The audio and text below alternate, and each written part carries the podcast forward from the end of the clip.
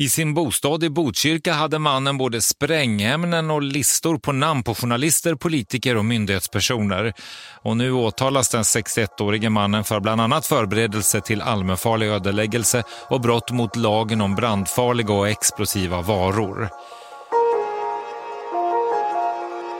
Polisen letade egentligen efter en helt annan person när de ringde på dörren till en lägenhet i Tumba i södra Stockholm.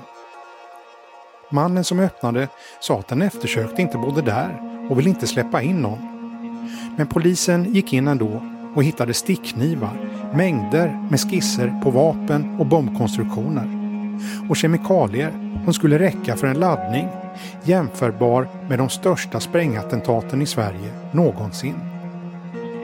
I hans dator fanns listor med hundratals namn på politiker, journalister och platser som han betecknat som mål.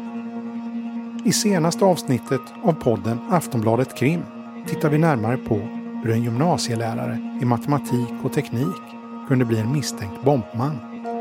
Prenumerera på Aftonbladet Plus för att lyssna på det senaste avsnittet.